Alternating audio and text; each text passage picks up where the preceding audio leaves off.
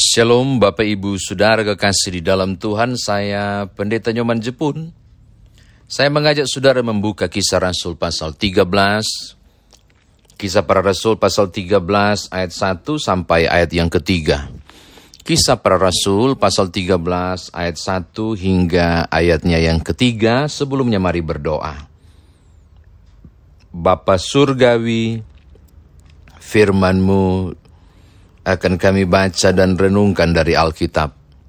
Tolonglah kami untuk memahami dan mengerti, lalu kemudian mengerjakan dalam hidup beriman kami. Terpujilah namamu berfirmanlah, demi Yesus Kristus firman yang hidup, kami berdoa. Amin. Kisah Rasul pasal yang ke-13 ayat 1 sampai ayat yang ketiga. Kisah Rasul 13 ayat 1 sampai 3 berbunyi demikian.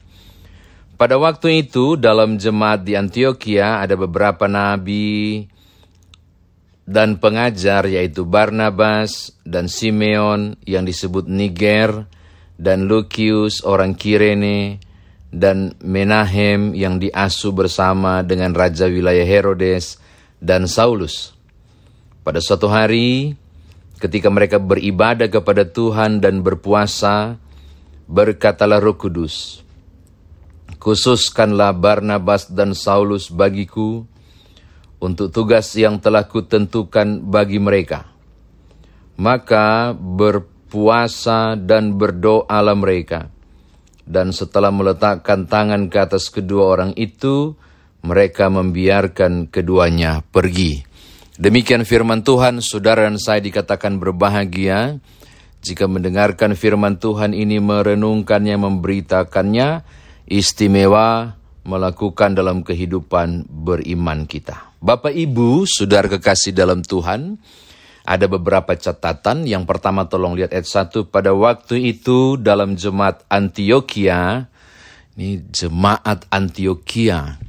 Siapakah jemaat Antioquia ini? Saya mau kasih tahu Bapak Ibu. Jemaat ini tidak terbentuk dalam keadaan baik-baik jemaat ini justru terbentuk dari raungan penderitaan, derai air mata, dan tetesan darah. Apa maksud itu? Kenapa saya mengatakan itu? Bapak Ibu tahu bahwa ketika orang Kristen di Yerusalem dikejar-kejar, terutama oleh Saulus, banyak mereka melarikan diri tetapi beberapa di antara mereka berusaha selamat ini menuju ke satu daerah bernama Antioquia. Tolong buka pasal 11 ayat 19. Pasal 11 ayat 19. Sementara itu banyak saudara-saudara telah tersebar karena penganiayaan yang timbul sesudah Stefanus dihukum mati. Mereka tersebar ke Finisia, Siprus, Antioquia namun mereka memberitakan Injil kepada orang-orang Yahudi saja. Di ayat 20 kita dapat juga ternyata ada orang-orang Kirene, ada orang-orang Siprus yang memberitakan Injil juga di Antioquia kepada orang Yunani. Jadi baik orang Yahudi di Antioquia maupun orang Yunani di Antioquia akhirnya mendengar firman. Dari mana? Dari para pelarian. Dari mana?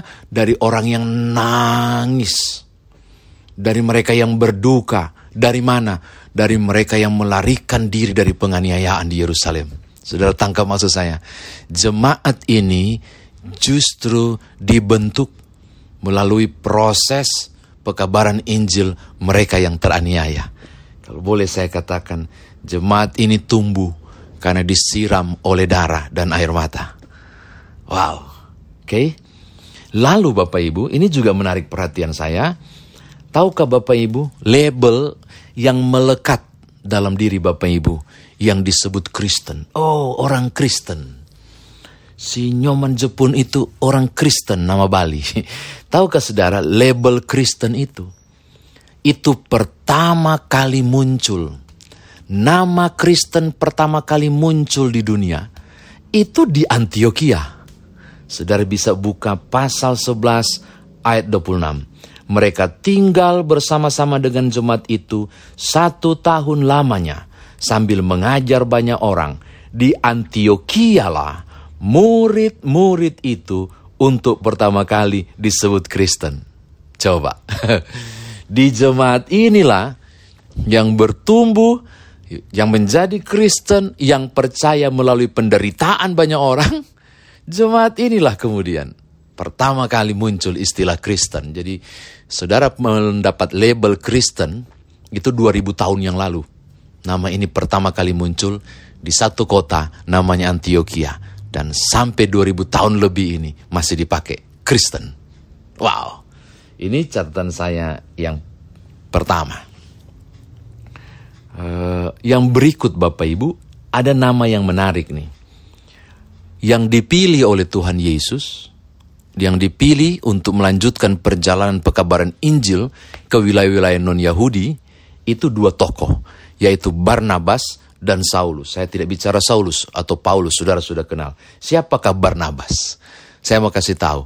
Barnabas ini muncul paling pertama kali di pasal 4. Siapakah dia? Dia adalah salah satu orang yang termasuk jemaat mula-mula di Yerusalem pasca Pentakosta. Dan dialah yang menjual ladang miliknya, lalu membawa uang itu diletakkan di kaki para rasul. Pasal 4 ayat 37. Tolong buka pasal 4 ayat 37. Kalau mau baca dari ayat 36. Dia disebut sebenarnya namanya itu sebenarnya Yusuf. Tapi para rasul suka panggil dia Barnabas yang berarti anak penghiburan. Anak penghiburan dialah yang menopang secara finansial. Saya duga cukup kuat, dia termasuk golongan orang yang mapan. Dan dia menjual hasil ladangnya. Menjual ladang miliknya loh. Ladang loh bukan hasil ladang. Ladang dia jual. Dan dia letakkan kaki, para rasul untuk modal pelayanan jemaat mula-mula. Uh, sudah lihat? Lalu yang luar biasa lagi, silakan sudah lihat pasal 9. Ketika orang ketakutan dengan Saulus, ketika orang menolak Saulus walaupun sudah bertobat, Saulus ingin bergabung, tidak ada yang buka pintu. Tidak ada yang mau bertemu dengan Saulus, saking takutnya. Tapi pasal 9 ayat 27 menyebut Barnabas lah yang terima Saulus. Ah, ini sudah, ada kode dari awal. Bahwa ini memang mereka duet yang luar biasa, Barnabas dan Saulus. Barnabas lah yang yang terima Saulus. Sini bro, sini. Kalau nggak ada yang terima kau karena takut sini, sini, sini. Saya antar kau ya ke rasul-rasul. Dan dia antar ke rasul-rasul. Dia cerita, jangan khawatir rasul-rasul. Ini orang ini sudah bertobat. Ini ini dipakai Tuhan luar biasa. Bla bla bla bla bla bla. Akhirnya Saulus diterima di kalangan kekristenan perdana. Padahal Saulus paling ditakuti karena dia yang hancurkan dan berusaha hancurkan kekristenan. Dan membantai banyak orang Kristen. Justru karena Barnabas, Saulus diterima. Sudah lihat, ini luar biasa kan? Tokoh yang dari awal bukan siapa-siapa dulu nih. Berproses, mengikuti, menuruti hati Tuhan. Hingga menjadi tokoh yang luar biasa. Oke, okay? sekarang mari kita masuk ke teks kita lebih dalam lagi, pasal 13. Tokoh-tokoh yang lain misalnya, ada Simeon, Niger, dari Niger, itu biasa sebutan untuk Afrika. Lalu ada Likius, orang Kirene, itu juga dari Afrika. Lalu ada Manahem, itu golongan darah biru yang tinggal di istana Herodes. Lalu ada Saulus. Saya, saya mau katakan begini. Di Antioquia itu membaur Yahudi dan Yunani itu membaur cukup kuat. Bahkan bangsa-bangsa lain termasuk Afrika membaur. Umumnya orang Afrika adalah para budak tapi enggak mereka dimerdekakan dalam kekristenan. Diterima sederajat. Jadi ketika saudara melihat Antioquia, saudara akan melihat sesuatu yang terjadi di modern saat ini, di 2021 ini. Kenapa saya bilang begitu? Sebab logikanya sangat sulit seorang budak duduk sederajat, apalagi ngajar firman. Nggak bisa, nggak bisa tahun berapa gereja-gereja tertentu menerima pendeta perempuan di gereja-gereja suku tertentu. Oh, dulu patriarki sekali. Tapi di Antioquia, para budak bisa diterima. Karena biasanya kaum berkulit hitam ini sering dijadikan uh, budak. Yang saya mau katakan adalah Di Antioquia mereka sejajar dan setara. Tidak memandang muka, tidak memandang asal-usul. Mereka saling menopang, mereka saling menguatkan satu dengan yang lain. Dan tidak heran Bapak Ibu Saudara, jemaat ini demikian maju. Oke, catatan berikut, ini juga luar biasa. Tolong lihat ayat yang kedua. Pada waktu mereka sedang berdoa, puasa penyembahan kepada Allah, Coba Bapak Ibu tangkap ini menarik loh. Pada suatu hari ketika mereka beribadah kepada Tuhan dan berpuasa, berkatalah Roh Kudus, keren gak sih? Keren gak? Betapa hal berpuasa itu juga menyangkut ibadah. Dan betapa itu bukan hal hal yang aneh di telinga, di pendengaran. Tapi rasanya aneh di beberapa kalangan gereja saat ini. Eh, saya lagi membayangkan saya seorang GPIB. Andai kata itu menjadi hal yang tidak aneh itu berpuasa. Bukan barang baru itu berpuasa. Keren ya. Bapak ibu saudara kita sudah mendekati hari Sabtu. Mungkin uh, dan selesai jadwal. Tiap hari Sabtu kita akan melakukan ibadah puasa. Keren banget kan? uh, di jemaat mula-mula hal berpuasa hal yang biasa. Di saat mereka sedang beribadah dan berpuasa menyembah Tuhan hadirat Tuhan tercipta di ruangan itu. Roh Kudus turun dan berkata begini, Khususkanlah Barnabas dan Saulus bagiku untuk tugas yang telah kutentukan bagi mereka. Aporiso, kata aporiso itu sebenarnya lebih tepat bukan khususkan, tapi pisahkan. Karena kalau khususkan kados, dan uh, yang mengarah pada kata kudus. Kalau ini pisahkan, jadi tarik mereka dari grup.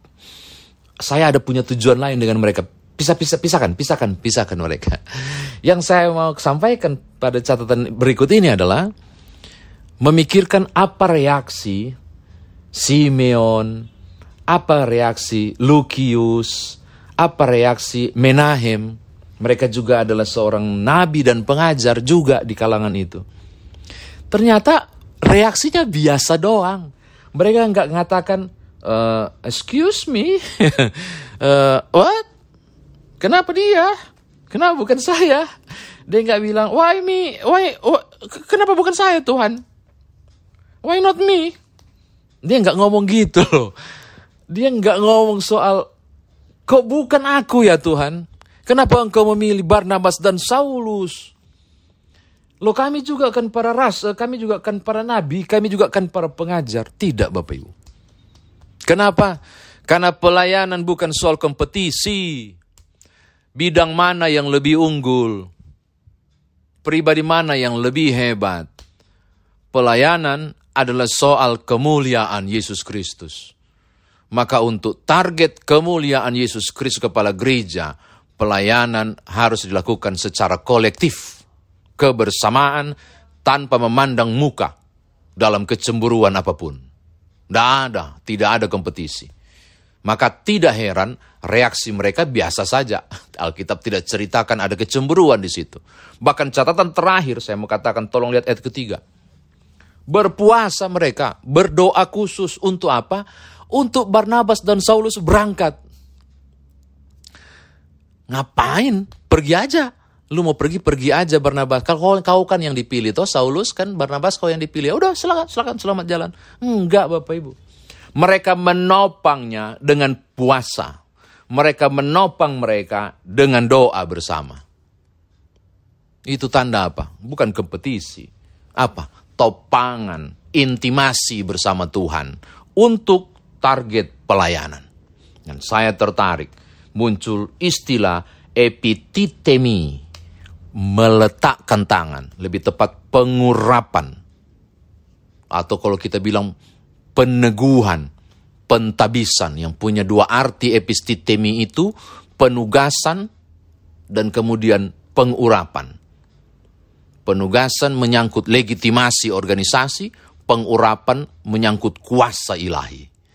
Uh, makanya selalu saya katakan pelayan yang tidak diurapi itu pelayan yang tidak memiliki kuasa ilahi.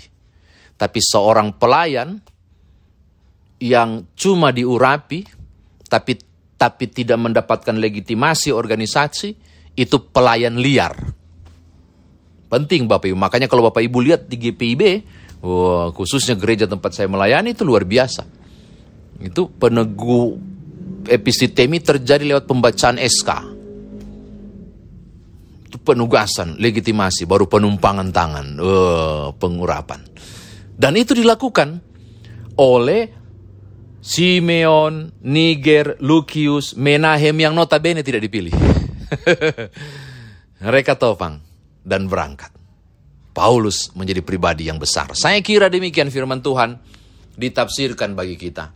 Nah sekarang bagaimana kita bawa dalam kehidupan beriman kita. Yang pertama Bapak Ibu, penting sekali. Kalau saudara mendengar tadi yang saya, saya katakan tentang Antioquia, kalau saudara mendengar tadi apa yang saya katakan tentang Barnabas, tentang proses awal dia, dan juga bagaimana Antioquia ini terbentuk sehingga muncul nama Kristen paling pertama, saya bilang begini, ternyata Tuhan beracara dalam sejarah. Dalam peristiwa, pada momen tertentu, pada tokoh tertentu, pada orang-orang. Tuhan beracara dan turut terlibat merencanakan sesuatu.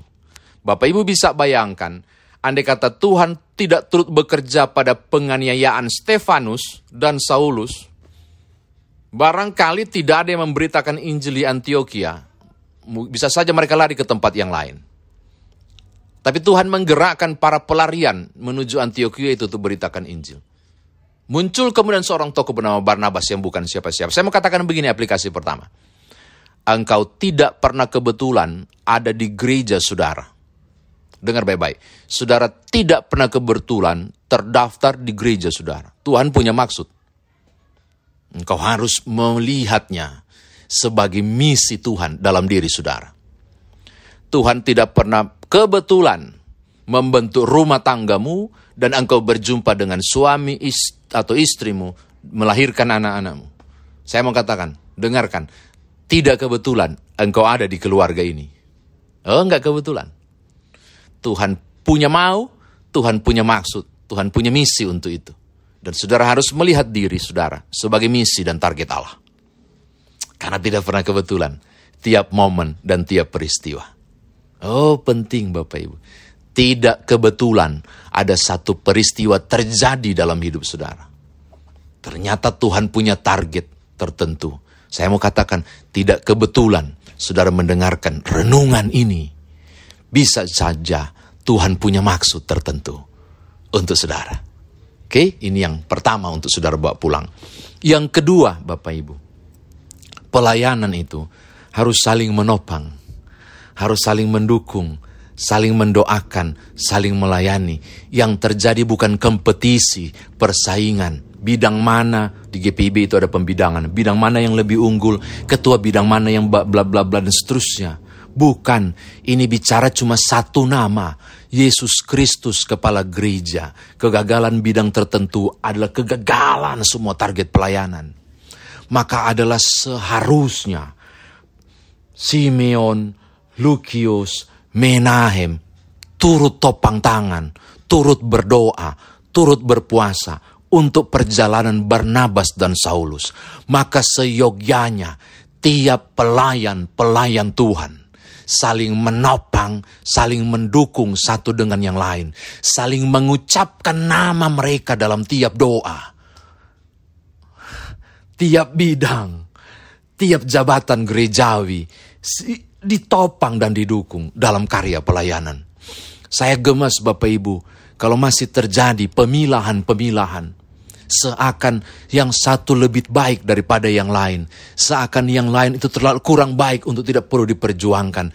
Seakan-akan dalam satu organisasi gereja terjadi persaingan dan kompetisi, bukan intimasi bersama untuk maju dalam Tuhan, dalam pelayanan. Ini cilaka 12. Andai kata perseteruan terjadi di Antioquia, tidak ada pengutusan terhadap Barnabas dan Saulus. Tidak ada epistitemi, epititemi, penumpangan tangan. Oh, penting sekali untuk saling menopang, penting sekali untuk saling mendukung. Kiranya saudara dan saya menjadi alat Tuhan bagi orang lain.